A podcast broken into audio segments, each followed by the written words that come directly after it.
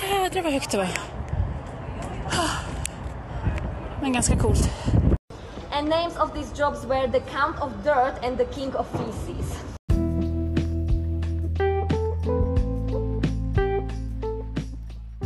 Det här är Lotta på luffen och jag heter Lotta Holmström. I Slovakien besöker jag både huvudstaden Bratislava och landets näst största stad, Košice, som ligger i de östra delarna bara nio mil från gränsen till Ukraina. Här väntar fina byggnader, intressant historia och trevliga boenden. Jag hamnar i slang med två slovakiska metallarbetare som knappt kan engelska. Jag åker tåg och ser Tatrabergen. Och jag får chansen att utmana en av mina rädslor. Mellan Budapest och Bratislava är det bara 20 mil. Med tåg tar det två och en halv timme.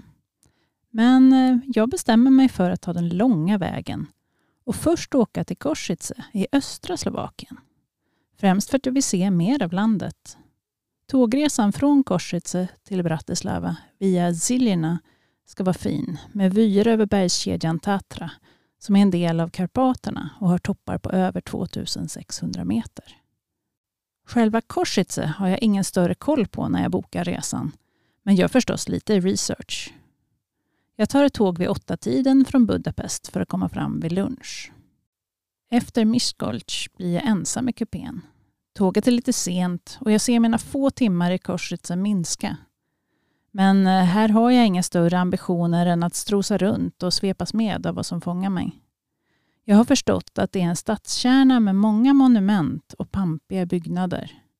Gamla stan i Korsice har till och med flest historiska monument per kvadratmeter i landet, läser jag mig till.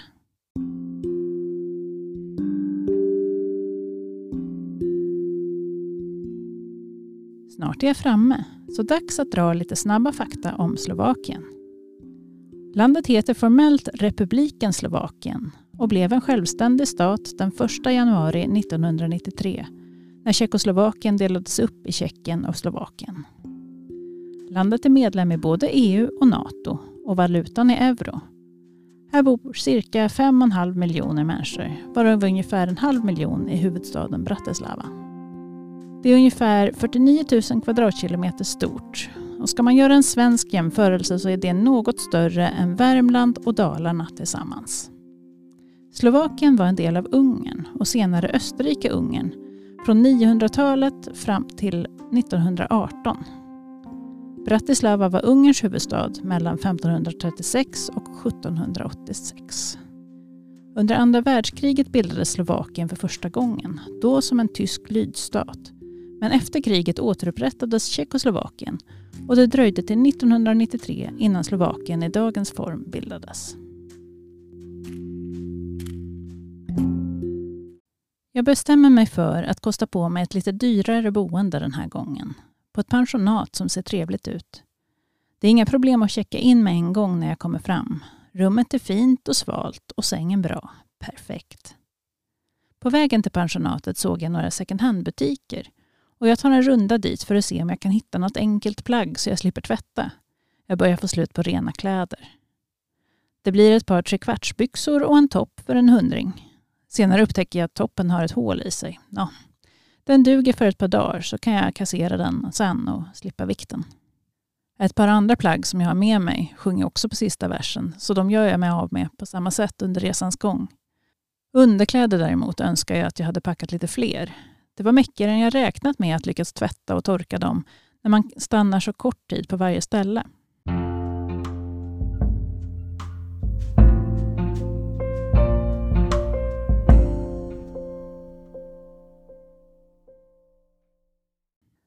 Hlavna heter gatan på båda sidor om det stora torg och parkområdet som är hjärtat i Košice. Här finns Urbans torn med dussintals uthuggna reliefer med vapensköldar från 1600-talet. En sprucken kyrkklocka står intill med en lite intressant historia. En stor brand förstörde det gamla Urbans torn och den intilliggande katedralen år 1556. De dåvarande kyrkklockorna smälte av värmen i branden och en ny enorm klocka beställdes till det nya tornet. Fem ton vägde den. 1966 brann det på nytt i tornet och i släckningsarbetet sprack klockan av det kalla vattnet. Delarna har satts ihop och den står sedan 1989 som ett minnesmärke på marken. Det står faktiskt ännu en kyrkklocka på marken i Korsitze, Johannesklockan, som gjordes för Sankt Elisabetkatedralen, men som blev för tung. Katedralen ja. Att gå upp i tornet verkar vara det som alla reseguider tycker man ska göra. Och vem är då jag att skylla på lite höjdskräck? Dags att gå de 160 trappstegen upp i Sigismundtornet här i Kosice. Jag ser inte riktigt fram emot det, men jag ser fram emot utsikten där uppe, så vi får väl se hur det går.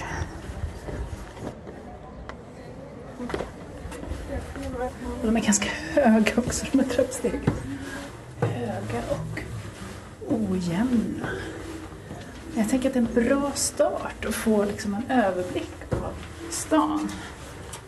Det gäller att inte trilla ner för den här. Det är en spiraltrappa som är jättesmal. Jag stöter liksom i på båda sidorna om den. Så förhoppningsvis finns det mötesplatser här. Jodå. Här gick det bra att gå förbi några också. Ja, det märks att han är gammal. Den här katedralen. Det kommer behövas ett antal vilopauser känner jag. Jag tar så här. Så det här är alltså tornet i Sankt Elisabet-katedralen. Det är den största medeltida kyrkan i Slovakien. Och den katedral Eh, av den här typen som ligger längst österut i Europa. Och den byggdes 1380 till 1508. Det är inte konstigt att trappstegen är lite sneda. Och jag har jättedålig kondis. Och jag ser inte fram emot att gå ner för att herregud vad det var ojämnt och konstigt. Nu är jag inne i någon slags bitorn här. Och redan så kan man se ganska långt ut över takåsarna. Men högre upp ska jag. Wow, nu kommer jag in i klocktornet. Ja, här blir det fotopaus helt klart. Och nu börjar jag närma mig tror jag. Jag kommer in i ytterligare ett sånt där sidorum med en gästbok. Och en gammal lår och hissanordning och någonting. Det står ingenting här så det är lite svårt att veta. Och här har några inte kunnat låta bli att klottra Spiderman was here, förstås. Det är kanske inte riktigt rätt ställe att göra det på. Ja, man undrar ju lite hur mycket olyckor som sker här. Folk som ramlar och bryter ben och så. Det känns som att det, kom, det måste ha hänt. Åh, jag är uppe. Wow. Svettig som få, men vilken utsikt. De skojar inte att man ser hela stan, man ser ju hela, ja vad det nu är, kommunen, länet någonting. Nej, det var häftigt.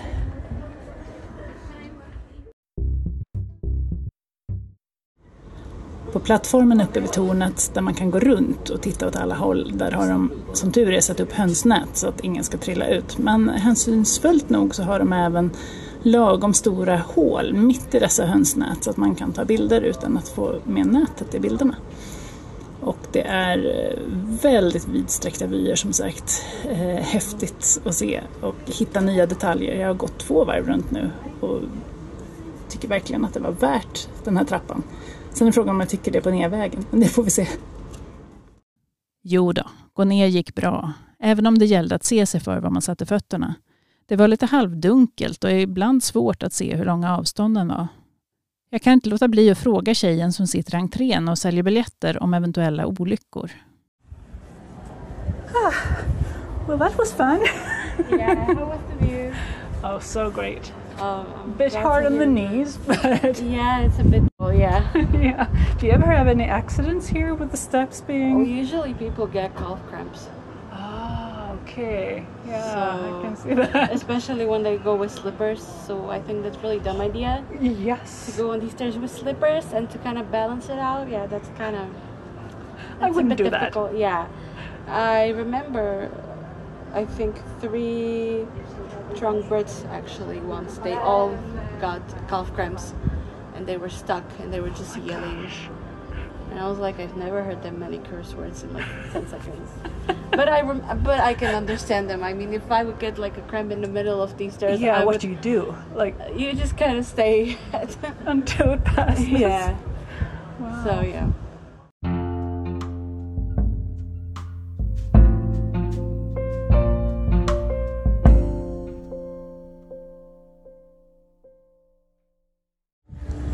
Kom ner sen i katedralen så hade det precis varit ett bröllop där så det var en massa bröllopsgäster som strömmade ut ur den. Och nu i kapellet intill så verkar det vara ännu ett bröllop. Finklädda människor med blommor. Så fullt i lilla kapellet intill att några får stå på trappan utanför och kika in. Fint och stämningsfullt. Jag drar mig därifrån för att inte störa. Planteringarna i parken är fina. Och det där med många monument, det verkar stämma. De pastellfärgade husen runt torget är vackert utsmyckade. Kameran går varm. Varm är även jag. Lite på grund av anspänningen i tornet, men inte bara. Jag håller mig i skuggan så gott det går. Det är så märkligt lite folk. Människor sitter här och var vid uteserveringar, men gör inte mycket väsen av sig. Tyst och öde, men inte deprimerande. Det får gatorna att kännas bredare, husen mer majestätiska. Kontrasten gentemot Budapests täta och hetsiga trafik kunde inte vara större.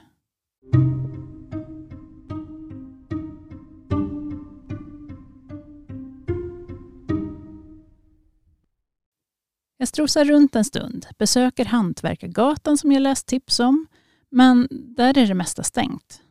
Jag stannar till lite och beundrar den gigantiska hästskon som utgör entrén till smeden och hans butik. Sen hamnar jag vid Miklörsfängelset som nu är museum. Jag har bestämt mig för att bejaka saker den här resan och utan att ha några fasta planer så varför inte kolla in det? Men damen i dörren som inte pratar engelska får mig att förstå att jag måste gå in i en intilliggande byggnad för att köpa biljett. Väl där inser jag att fängelset bara är en del av museet som handlar om eh, byggnaderna intill och eh, även östra Slovakiens historia. Ja, varför inte? De verkar inte ha så många andra besökare och jag har inte hjärta att vända om. Jag får en biljett och tjejen i biljettkassan säger att hon ska ta med mig till den första delen, vilket visar sig innebära ett antal utanpåliggande trappor upp.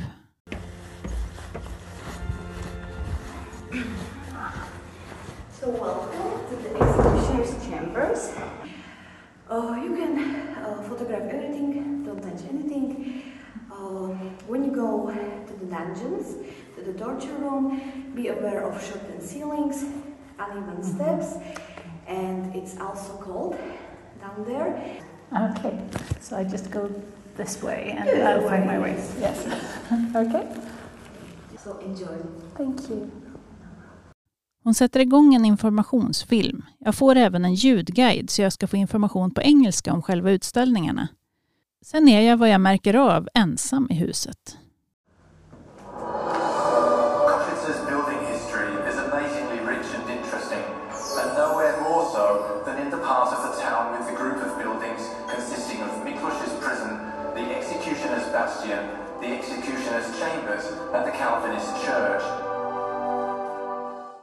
Fängelsebyggnaden är från 1200-talet. Jag får en detaljerad beskrivning hur den byggts till och förändrats genom åren och med den växte staden fram.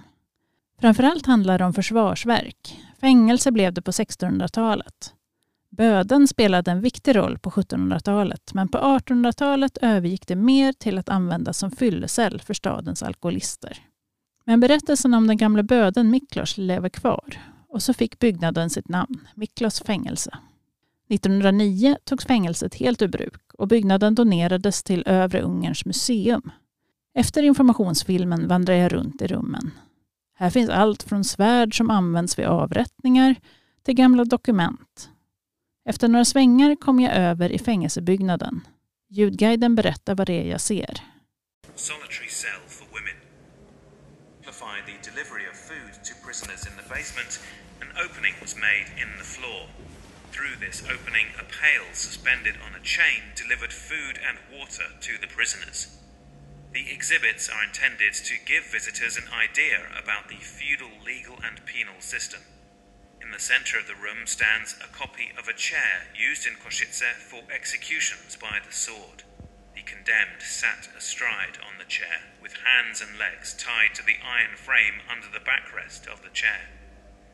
Ja, så kom vi till avrättningar och tortyr igen. Det verkar vara ett tema på den här resan. Den sista avrättningen i Korsitze skedde 1837, berättar ljudguiden. Fängelsehålorna är verkligen inte stora. Isoleringscellen vill man inte hamna i. Och tortyrkammaren har levande gjorts med människodockor som plågas på olika vis. Tortyr användes som en vanlig förhörsmetod här fram till slutet av 1700-talet då det förbjöds. Det märks inte när jag vandrar runt i Košice, men staden har den största koncentrationen av romer i hela Europa. Det berättar fotografen Åke Eriksson, som varit min jobbarkompis både på Dagens Arbete och en, en gång i tiden på Aftonbladet. Han genomförde ett projekt under sex års tid för att skildra romernas situation i tio länder i Europa. Och I samband med det så var han på plats i gettot Lunik 9 som ligger utanför stadskärnan i Košice vid ett flertal tillfällen, berättar han. Projektet heter Non Grata och blev klart 2016. Det tog sig formen av en utställning som visades i flera länder och en fotobok som belönats med internationella priser. Några av bilderna finns att se på Dagens Arbetes sajt. Jag lägger in en länk till bildspelet på min blogg. Så här skrev Åke om projektet i samband med att bilderna publicerades.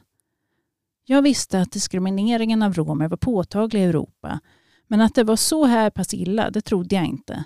Det var vid denna tidpunkt mitt fotografiska dokumentära projekt tog fart. Han fortsätter.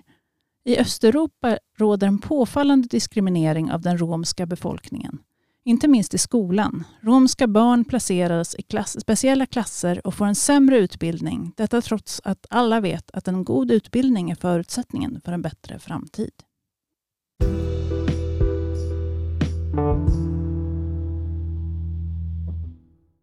Tabatska kulturfabrik är en gammal industribyggnad som gjorts om till kulturcentrum och ett självklart kvällstillhåll för mig som både gillar industri och lite alternativa uttryck.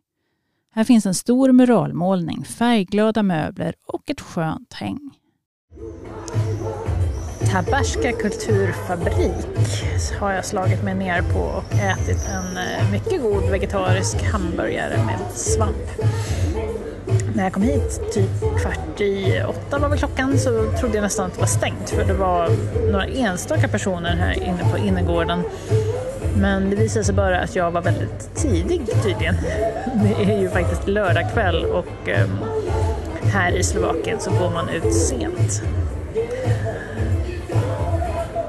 Det här är ännu en kreativ hubb får vi väl kalla det en fristad eh, för konstnärer och andra som eh, vill uttrycka sig fritt helt enkelt.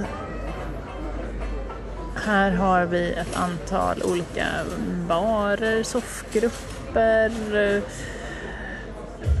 eh, stora muralmålningar och så vidare. Men framförallt så har vi ett budskap i entrén som säger att här är alla välkomna, kom in, ladda din mobil, häng här så länge du vill och så vidare. Det sitter prideflaggor av olika varianter eh, uppsatta här också. Ölen kostar 30 spänn. Ehm, det finns mycket att titta på så jag lär väl hänga här en stund. Jag slår mig ner på altanen. Sakta börjar innergården fyllas med folk. Bord och en del sittplatser utgörs av lastpallar. Andra är spraymålade metallmöbler. Det finns flera barer. Det känns som att de som är här tidigt som jag är stammisar och att det är något av ett vardagsrum för dem. En man kommer och låser fast sin cykel precis där jag sitter och säger något jag inte förstår. När han hör att jag talar engelska frågar han mig var jag kommer ifrån och när han får reda på det så undrar han om det är okej okay där. Jo, det är okej, okay, svarar jag. Eh, alla platser har väl sina problem. No go zones, säger han och stirrar frågande på mig. Immigrants out! Och så vänder han på klacken och stolpar iväg. Om det var hans åsikt i frågan eller om han menade att det var svenskarnas hållning, det fattade jag aldrig. Jag köper vad jag tror är en mörk öl. Men det visar sig vara Tjeckiens och Slovakiens största konkurrent till Coca-Cola, Koffola. Tyvärr toksöt och fullproppad med koffein. Och med tanke på min track record när det gäller sömn de senaste nätterna var det ingen hit att sätta i sig den. Ja, kan jag inte sova i natt vet jag i alla fall varför. Koffolas historia är rätt intressant. Den togs fram som ett experiment i dåvarande Tjeckoslovakiens institut för medicinalväxter år 1959 som en del i ett forskningsprojekt för att hitta användningsområden för överskottskoffein från kafferosterier. Och resultatet blev ett slags sötsur mörk sirap som fick namnet Kofo. Och den blev sedan huvudingrediensen i läsken Koffola som lanserades 1960. Även sedan både Coca-Cola och Pepsi lanserades i Tjeckoslovakien stod sig Koffola bra och drycken är populär än idag.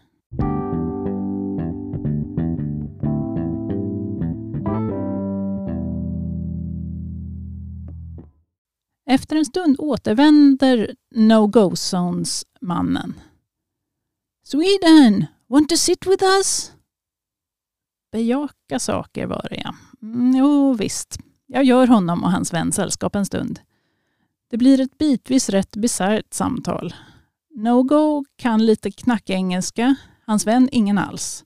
Men han studerar tyska och är tillräckligt mycket nybörjare för att tala så långsamt att jag faktiskt förstår det mesta han säger. Däremot kan jag inte svara på tyska, så det blir engelska och kompisen översätter hjälpligt. Sinsemellan talar de slovakiska. Nå, de är trevliga och det blir ett uttrycksfullt, förvirrat och glatt samtal. So uh, English, yeah, Swedish uh, style. Style. English, English. Steel? No? Steel. Steel? Steel. Steel. Yes, steel work. Yes. Yes. Sweden, uh, Sweden Swedish uh, steel. it's good. Erste. E, nie, prva. najlepší is Po áno. Najlepší. Ah, to povie? Najlepší. Ja by som povedal, že Erste Am, kvalite. ambeste nie. ah. Best Swedish quality, uh, best quality steel in Sweden. Yes. Ah, that's good. Congratulations. well, thank you. Thank you. Det kommer fram att de båda är metallarbetare. No-Go jobbar inom mekanisk industri och hans vän har varit maskinmekaniker men är mellanjobb. Därför läser han tyska och hoppas att det ska hjälpa hans chanser. Han har också varit i Oslo en gång för många år sedan och talar sig varm om det. Jag försöker fråga hur det står till med slovakisk industri men får tvetydiga svar. En nedåtgående kurva gestikulerar No-Go. Men jobb finns ändå, om inte tillräckligt. No-Go viftar med armarna. Reagerar starkt på vad jag säger, men jag förstår honom rätt dåligt. Han frågar om olika saker är normalish. Till exempel Greta Thunberg. Thunberg. Yes, yes. Je, nor, is normálny. Or, Ni. Yeah. Hej.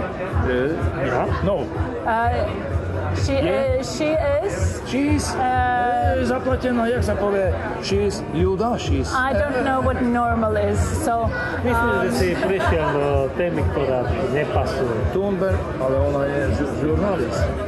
Vieš, že máš Yes. u nás bude, a, nie, nie natáčaj, nie, nie, nie, nie, no, no, no. E, jak sa povie natáčať? No, nič, ako my kamaráti. Audio záznam. Audio No, záznam. my- Vännen har alltså varit i Oslo och även Estland och Transylvanien. Men No-Go har aldrig varit utomlands. Han tycker om att arbeta med kroppen, säger han. Han är kroppen och vännen är hjärnan, säger de och skrattar. De är nyfikna på Sverige och försöker komma på vad de vet om landet.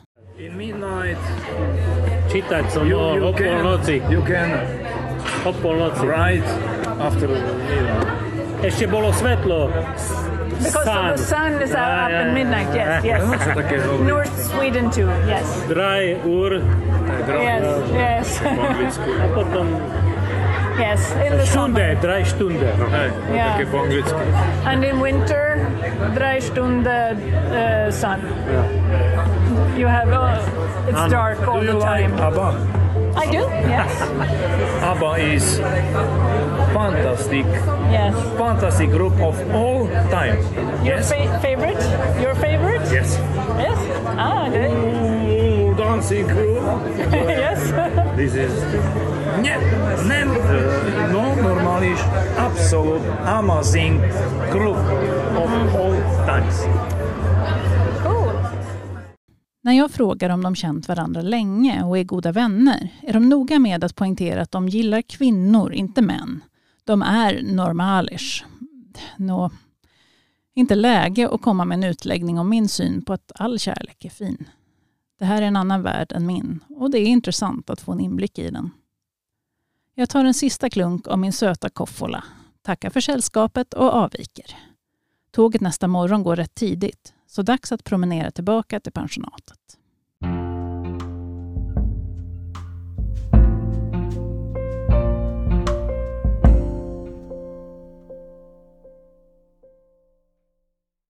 På pensionatet ingick frukost, men det skulle bli lite tajt om tid att hinna få i sig den och sen hinna i tid till tåget. Den vänliga mannen i receptionen erbjöd sig att fixa en matsäck. Så det blev tågfrukost med en rejäl ost och skinkmacka, yoghurt, juice och frukt. Färden till Bratislava är verkligen fin. Tatras snötäckta bergstoppar reser sig bakom lägre kullar. Vi kommer till Poprad som är knutpunkt för utflykter och längre turer i bergen. Här ser man gott om långfärdscyklister och ryggsäckar. Höger sida i tåget är rätt för att få fina Tatravyer. Längre fram är det berget på båda sidor. Ja, att åka till Korsitze lade till minst sju timmar till restiden mellan Budapest och Bratislava. Men reser man så här så handlar det ju om mycket mer än att komma fram. Och jag är verkligen glad att jag tog omvägen om Korsitze.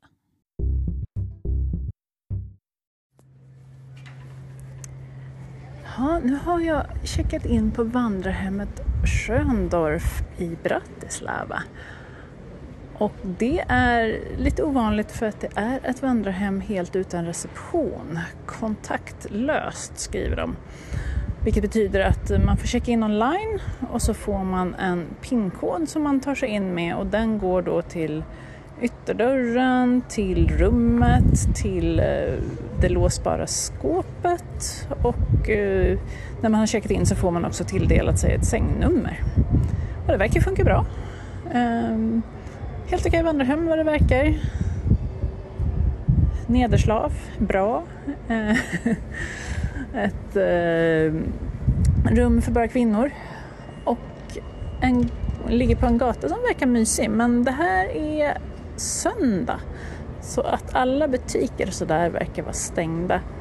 Möjligen en litet snabbköp här borta som jag tror är öppet för det ser ut att vara en öppen dörr där. Och så går det spårvagnar precis utanför, det är de som hörs nu.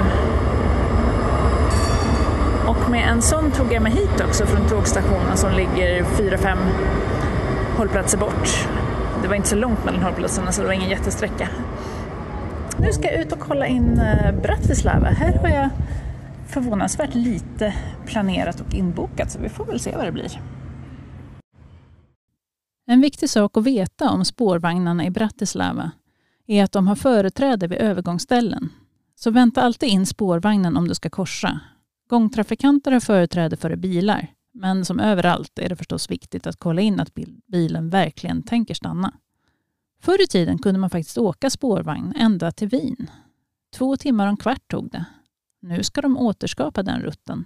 Frågan är hur populärt det blir med tanke på att vanliga tåget tar en timme. Jag började med att ta en promenad i Bratislava. Jag skulle gå till presidentspalatsets park hade jag tänkt, men när jag gick ut med stängslet slogs jag av hur öde det såg ut där inne. Och mycket riktigt, den var stängd för renovering året ut. Istället hamnade jag på ett stort torg, Frihetstorget, med en väldig fontän som mängder av barn badade i.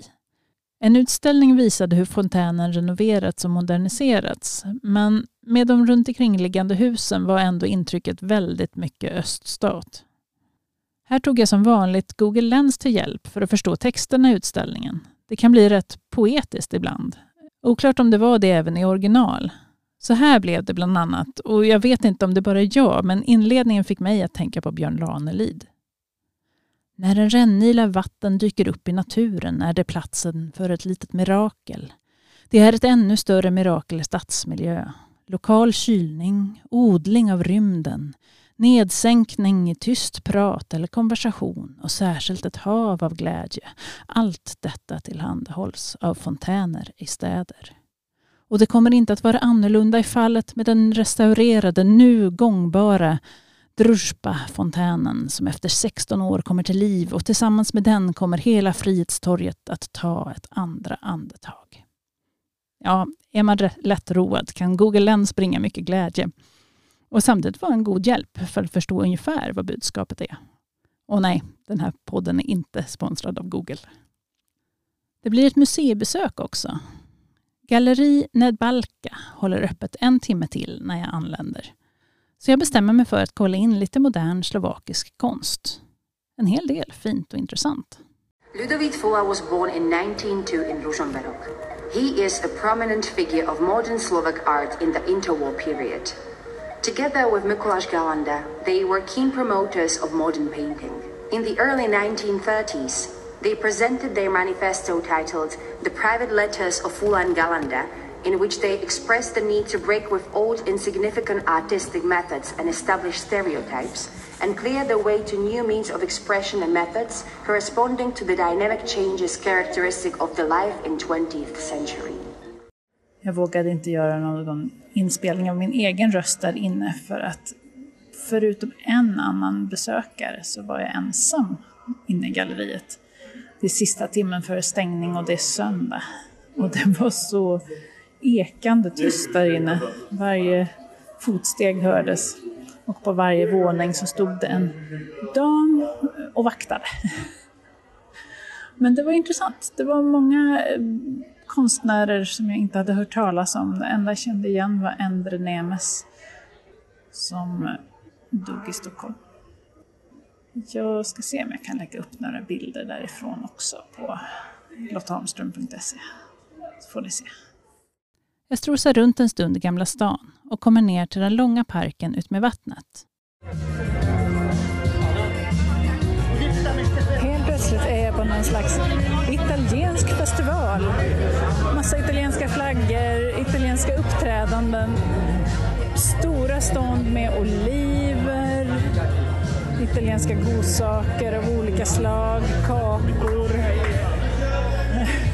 ostar hemgjorda saker. Ehm, man blir lite påhoppad där. Ja, jag kom till Italien. Hade jag inte kunnat ana. Jag bestämmer mig för att åka upp i UFO-tornet. Det heter inte så, men alla kallar det så och det står till och med så på skylten vid entrén. 12 euro kostar det att ta den skrangliga hissen upp i utkikstornet som ligger på andra sidan floden vid SNP-bron. Här var jag inte stursk. Okej, här var en mörk konstig gång. Reconstruction och här är den världens minsta hiss.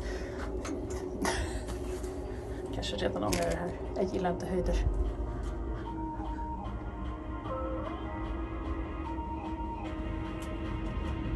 Lugnande musik.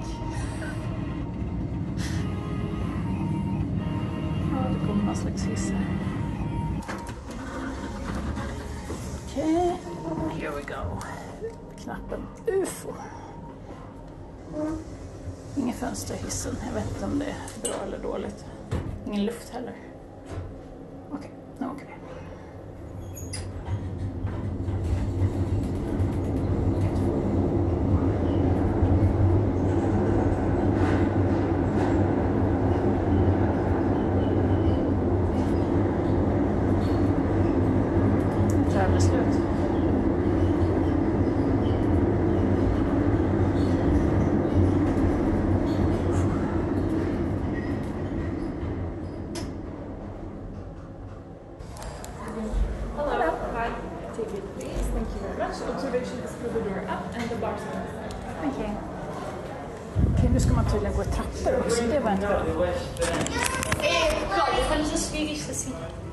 Nu ska jag inte tappa telefonen.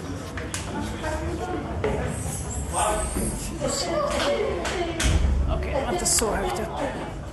Vänta här på några som är på väg ner. Ah, det kommer bara fler. så lika bra gå. sowas von übel geworden. Here we go. Okej, det är utomhus här uppe. Det visste jag inte heller. Så. Åh jädrar vad högt det var. Men ganska coolt. Det blåser som tusan här uppe. Jag vågar inte riktigt gå ända fram till kanten så jag får sträcka fram armarna och hoppas att jag inte släpper mobilen ut över räcket. Här var det inte direkt en hönsnät, utan några tunna metalltrådar som hänger för. Jag är inte helt bekväm med höjderna, men det var ju läcker utsikt, det får jag erkänna. Man ser väldigt långt åt alla håll och upptäcker nya saker. Men det är samma gamla Donau. Den ser lite blåare ut här faktiskt. Bratislava är den enda huvudstad som gränsar till två andra länder, Österrike och Ungern. Österrikes huvudstad Wien når man på en timme med tåg och vid klart väder kan man se in i båda dessa länder uppifrån ufot. Jag stannar en stund i ufots restaurang, tar en öl och låter bli att beställa den överprissatta maten. Allt i väntan på solnedgången. Och belönas med en väldigt fin vy. Jag vågar mig upp på plattformen ännu en gång för att dokumentera den. Alla bilder finns på lottaholmstrom.se.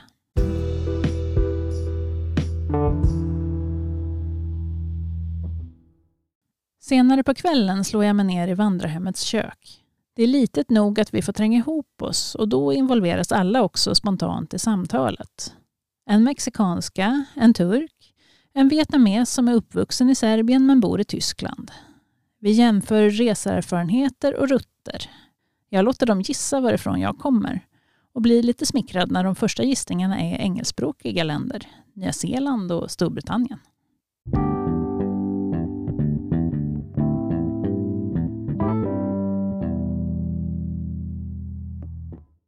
Även i Bratislava finns det flera guidade vandringar på konceptet Free Walks, vilket innebär att du avgör vad du vill betala i form av dricks. Varje dag klockan 10.15 utgår en The City and the Castle-vandring från Stora torget. Men när jag kommer dit vid 10-tiden visar det sig vara två olika vandringar som startar då och jag bestämmer mig för att hoppa på den andra, Hidden Gems of Bratislava. Katarina heter guiden och hon tar oss med på en promenad på bakgårdar, broar och förbi kända byggnader. Och vi får oss både historia och kultur till dels. Den slovakiska identiteten är relativt ny. En grupp människor som talade slaviska språk färdades genom landet och det var de som gav upphov till namnet Bratislava som betyder ungefär Glory of Brothers, säger Katarina. Men enligt de källor som används för Wikipedia-artikeln om Bratislava handlade om en feltolkning av namnet Braslav som var en slavisk prins på 800-talet i historiska källor. Så lite oklart. Först var det bara den här folkgruppen som använde namnet, säger Katarina. Men 1919 blev det stadens officiella namn då det österrikisk-ungerska riket fallit samman och Tjeckoslovakien bildades. Innan dess så hette staden Porsonj på ungerska eller Pressburg på tyska, vilket också var det namn som vi i Sverige använde. Ungrarna kallar den fortfarande Porsonj. Bratislava hade en ringmur med fyra portar fram till slutet av 1700-talet. Men Maria Theresia, som var drottning av Ungern, ville att staden skulle kunna växa. Så stora delar av muren och alla utom en av portarna revs. Där de andra portarna var finns nu plaketter uppsatta och vi går under en symbolisk port på en av gatorna. Ett konstverk som hänger mitt över där den förut fanns. Maria Theresia var för sin tid mycket modern och progressiv, säger Katarina. Till exempel minskade klassklyftorna under hennes styre. Men en sak hon genomdriv tycker Katarina inte om. Hon förbjöd biljardspel på helger för att folk skulle bli mer produktiva. När vi lämnar det medeltida Bratislava med sina kullerstensgator vänder sig Katarina om och berättar lite om hur det var på den tiden. I have some more fun facts prepared for you about the medieval city. So you can still here, for example, see the nice cobblestones that you can see in all whole town of Bratislava. And uh, these look very authentic. but actually during medieval times they were very expensive and uh, Bratislava was not as rich city. So there are only two streets cover, covered with these cobblestones in the past. It was the Michael's Street, the one from the Michael's Gate down, and the main square where we started the tour. The other streets were just smooth and dirt, and that means that when it was raining, they turned into waterfalls, literally. Because as you can see also here a little bit, uh, a lot of the streets are a little bit down the hill. They are not really narrow. And so uh, it was actually very hard to cross the street when it was raining here. So what people did, they uh, usually took like two big stones. They would like stand on one stone, then take another one, then again take the first one, etc. And this is how they used to cross the streets when it was raining here. Also, medieval Bratislava was actually very smelly and dirty uh, because there were only two people in charge of cleanliness of the city. Uh, even though the city was not that big, two people were not enough. And the funny thing about this are the names of the jobs because these were official jobs you could do for the city. And names of these jobs were the Count of Dirt and the King of Feces. these are the official names of the jobs. So if someone will tell you that the history is boring, tell them this. no, it's not. När jag var i Belgrad och receptionisten tipsade om en kyrka som var värd att besöka frågade jag om det var den blå som jag sett bilder på. Ja, svarade hon. Men nej, det var jag som hade blandat ihop städerna. Den i Belgrad hade visserligen blå detaljer, men det är i Bratislava som den blå kyrkan finns och den är vårt nästa stopp på promenaden. Det officiella namnet är Sankt Elisabetkyrkan, även om alla kallar den för Blå kyrkan, eftersom hela kyrkan är blå, även invändigt är det mycket blått. Den ritades av Otto Leichner, arkitekt från Budapest 1913, så den är inte så gammal med kyrkomått mätt. Och den är rätt speciell. Det syns att den hämtat inspiration från Art Nouveau. Det finns delade meningar om kyrkans utseende, men den är populär. Om man vill ha bröllop eller dop där är väntetiden tre år. Sankt Elisabetkyrkan alltså. Om det låter bekant så jo visst, här har vi henne. Princess Sissi igen, om ni minns henne från Budapestavsnittet. Katarina berättar om att hon var mycket älskad även i Bratislava, där hon brukade smussla ut mat från slottet för att ge till de fattiga utanför. Det fick hon inte, så hon gömde den i sina kjolar. Myten säger att en kväll stoppades hon av vakter som krävde att få se vad det var hon gömde där men då förvandlades maten till rosor, så det var allt de hittade. Det var ett mirakel, så efter hennes död blev hon helgonförklarad. Och ovanför kyrkans entré finns en mosaik som visar Elisabet och rosorna. Efter andra världskriget var Tjeckoslovakien ett kommunistland, även om det officiellt hette att det var ett socialistiskt land. Det fanns ingen yttrande-, mötes eller tryckfrihet och en väldigt strikt regim. Avrättningar skedde på gatorna. Trots det fanns det gott om folk som stöttade kommunismen, säger Katarina. På pappret var idén lockande när landet skulle återuppbyggas efter kriget. Att alla har sin plats i produktionen, alla har ett jobb, ett jämlikt samhälle. Dubčeks ledarskap på 60-talet förändrade kommuniststyret. Han drev igenom en pressfrihet, yttrandefrihet, möjlighet att resa och att starta och äga företag. Det kallades socialism with a human face säger Katarina. Det uppskattas inte av Brezhnev i Moskva, men Dubček stod på sig och det ledde till den sovjetiska ockupationen 1968. Katarina visar upp ett känt foto från platsen där vi står, utanför universitetet från den 21 augusti 68. En man står framför en sovjetisk tanker och protesterar. Över 70 000 människor lämnade landet det närmsta året. Den här perioden kallades normalisering, sett ur ett sovjetiskt perspektiv förstås. Förhållandena återgick till hur det hade varit på 40 och 50-talet. Och många av dem som först hade stöttat idén om kommunismen såg det som ett svek, säger Katarina. 70-talet ses som så kallade gråa år. Kravet på att alla skulle ha ett jobb gjorde att nyutexaminerade ofta kom att jobba med mycket enkla sysslor som att städa istället för det de utbildats till. Du hade bara ett par månader på dig att skaffa ett jobb. Arbetslöshet var brottsligt. Ändå kan den äldre generationen ibland bli nostalgisk över kommunisttiden, som också innebar en del fördelar, säger Katarina. Det var till exempel lättare för ensamstående mammor. Som arbetande mamma slutade du klockan tre på eftermiddagen, men kindergarten var öppen till fem så du hade tid att uträtta ärenden och ekonomiskt klarade du dig, säger Katarina som berättar att hennes mormor var ensamstående mor till tre barn. De som minns den tiden tycker också att tv-programmen och musiken var bättre förr, säger Katarina. As nowadays, when we are used to this free, very free life, it's almost impossible to imagine living back then. But people who are actually living back then, you know, they could, it was normal for them to, because it was 42 years, right? A lot of people are born in that era and never uh, experienced anything else. So for tho- those people, it was normal. It was just everyday life. You know, they they wouldn't be like sitting every day on their sofa, like, oh my God, what what we are we living? You know, like what is it? What is it? They, they weren't depressed all the time. They could find some nice things in their everyday life. Uh, so, for example, again, what my mom says, she always is like, okay, we didn't have so many sweets like to choose in the grocery stores, but the sweets we had were much better. in general, people tend to remember only good things or the better things from their uh, childhood, their young era. And my mom was like uh, 16, 17 when the Ah, revolution that's like the. So yeah, so she basically the whole childhood was in communist era. Yeah, I don't like to say that it was completely all bad, but for me personally, from all the information I have, I think the the bad things had more value. En annan detalj hon nämner är tillgången till offentliga toaletter. De flesta har stängts, eller som ett ställe vi går förbi, gjorts om till en bar.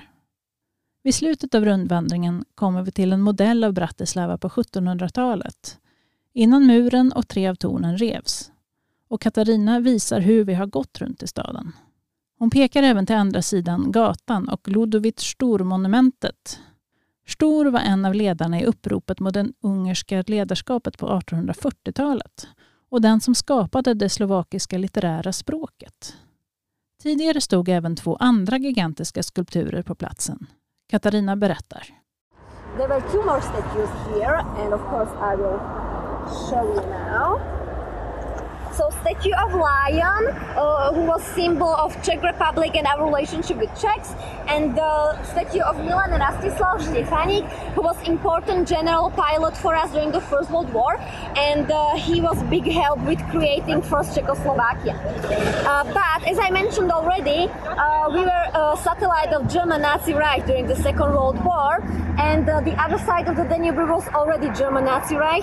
And uh, that means that one time Adolf Hitler actually came here to observe his new life his new lens. And uh, from the other side, he could see these statues. They are actually much bigger in real life as they seem on the picture. And because he was occupying Czech Republic, he didn't want anything resembling Czech Republic here. So he saw the lion and he said, the cat has to go. And then he needed to remove these statues.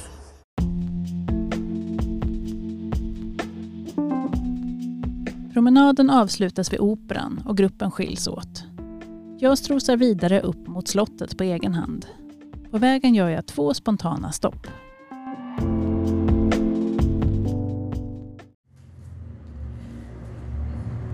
Multium är en utställning som baserar sig på speglar och optiska illusioner. Det är sex olika rum där jag tittar in i det första som verkar vara en oändligt eh, djup eh, brunn, eller vad man ska säga, byggd av trä. Men eh, det är det förstås inte. Den är oändligt hög också. Utan den är en bit och sen så sitter det speglar i varsin ända som skapar den här illusionen.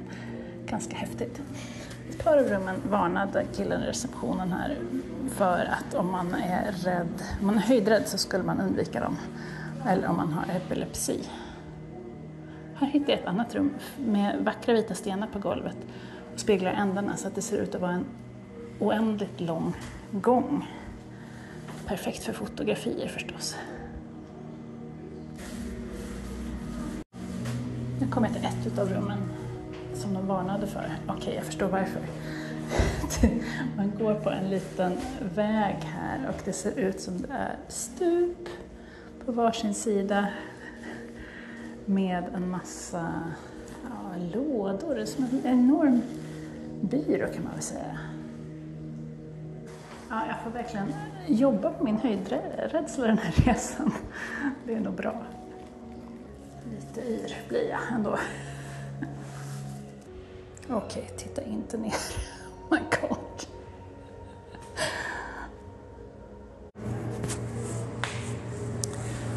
Ja, jag var just ute i rymden, ett väldigt mörkt rum fullt utav små lampor som skulle föreställa eh, stjärnor och galaxer. Rätt häftigt men ja, lite yr i skallen blev jag allt. Och det sista rummet var en eh, stor sfär som egentligen inte var en sfär utan det var speglar som fick det att föreställa sig så. Som eh, spelade upp en ljusinstallation kan man väl säga, någon slags video som löpte där. Också rätt coolt. Ett besök här tar inte mer än 10 minuter men jag tyckte det var värt sina 5 euro. Det var kul att se. Det avslutas också med en liten utställning av kända optiska illusioner där man tror att två objekt är olika stora men de visar sig vara lika stora till exempel. Strax intill ser jag en skylt med en katt på som fångar min uppmärksamhet. Jag hittade ett kattcafé. Inget inträde, bara gå in, sätta sig, ta en fika eller öl och det är katter överallt. Så lycklig nu. Supermysigt ställe med massa katter men det kom in ett helt gäng med barn här alldeles nyss. Och då blir katterna lite oroliga för att barnen springer efter dem. Ska vi se, nu kommer en svartvit liten kisse här. Kanske vill hoppa upp till mig. Jag hoppas det. Nej, inte det. Jag gick vidare. Nej, vi finner inte riktigt ro här när det är en massa ungar som är lite för på helt enkelt. Det finns väldigt tydliga regler om att man till exempel inte får klappa katter som ligger och sover och så. Men eh, det känner ju inte barnen till så att det blir lite vilt en stund. Men ändå väldigt härlig miljö att vara i. Kattsällskap är fin avkoppling och efter en rätt lång oplanerad paus fortsatte jag uppför backen mot Bratislavas slott. Tack vare sitt läge och sin försvarsmur har slottet aldrig intagits. Slottet fanns i hundra år innan staden kom till och under många århundraden sågs slottet och staden som två separata enheter som inte heller samarbetade med varandra. Jag avstår från att gå in i själva byggnaden, men utsikten är fin. Efter en liten paus på en bänk tar jag mig tillbaka ner och gå till vandrarhemmet för en välbehövlig paus och lite vietnamesisk takeaway.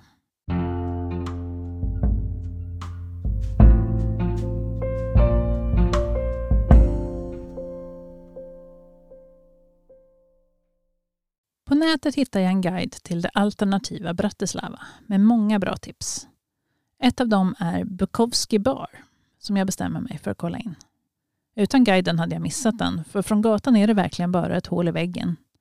Gör inte misstaget att gå förbi, för om så bara för att ta en läsk och upptäcka det läckra atriet som är deras innergård. Så här står det i guiden om Bukowski bar bland annat. What to try at Bukowski Whatever, not kidding.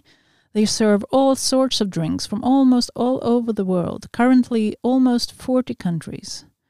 Whether you feel like trying Indian whiskey, rum from the Canary Islands, Armenian cognac, or good local beer, they won't disappoint you. And if you want to experiment a little and have something unusual, try one of their mixed shots. They are dedicated to the famous writers who shared the same strong passion for literature as well as for the alcohol. Each costs only two euros, but we don't recommend trying them all in one night. Ja, de tar det här med drinkar seriöst på Bukowski, men att shotten skulle vara döpt efter författare som är kända för att särskilt uppskatta alkohol, det får jag ändå ifrågasätta när jag i menyn hittar shotten Astrid Lindgren som är en blandning av Absolut vodka, vattenmelonsyrup och limejuice. Jag provar en Fitzgerald. Beefeater gin, grapefruktsyrup och limejuice. God och stark. Jag förstår rådet att inte dricka författarshots hela kvällen. Jag slog mig ner på torget utanför eh, Bukowski-baren här och eh, det är fullt med folk. En del sitter på pubarna och barerna här, eller kaféerna. Men många sitter också här på vanliga bänkar och parkmöbler och jag hittade en solstolsliknande trämöbel här som var ledig som jag slog mig ner på. Det är väldigt härligt att bara hänga här en stund. Det är en ljummen kväll. Fåglarna kvittrar fortfarande som höres eh, och fullt med liv. Bratislava är en mysig stad, tycker jag. Lagom stor. Tidigare gick jag även förbi Baudelaire bar som såg cool ut. Men jag nöjer mig med ett sista kvällstopp eftersom jag ska upp tidigt. Bratislavas KGB bar som ligger precis intill vandrarhemmet. Som gammal stammis på Stockholms KGB-bar är det lätt att bli nostalgisk. Även om jag vet att de som har faktiska erfarenheter av KGB i sin familjehistoria är som lagom råd av dessa barer. Det som roade mig var i alla fall att Lenin, Stalin och kompani hade fått sällskap av en betydligt mer nutida gubbe. Och då från väst. På en vägg satt en stor plansch med Donald Trump photoshoppad som actionhjälte och texten Trump. No man, no woman, no commie can stump him. Och på en annan vägg i samma rum hängde en tavla med Trump som boxare.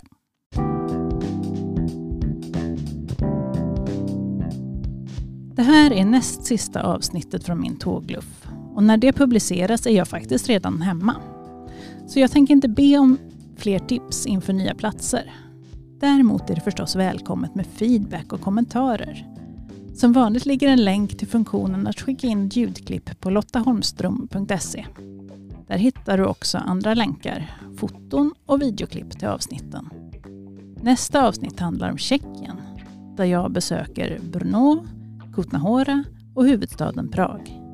Vi hörs!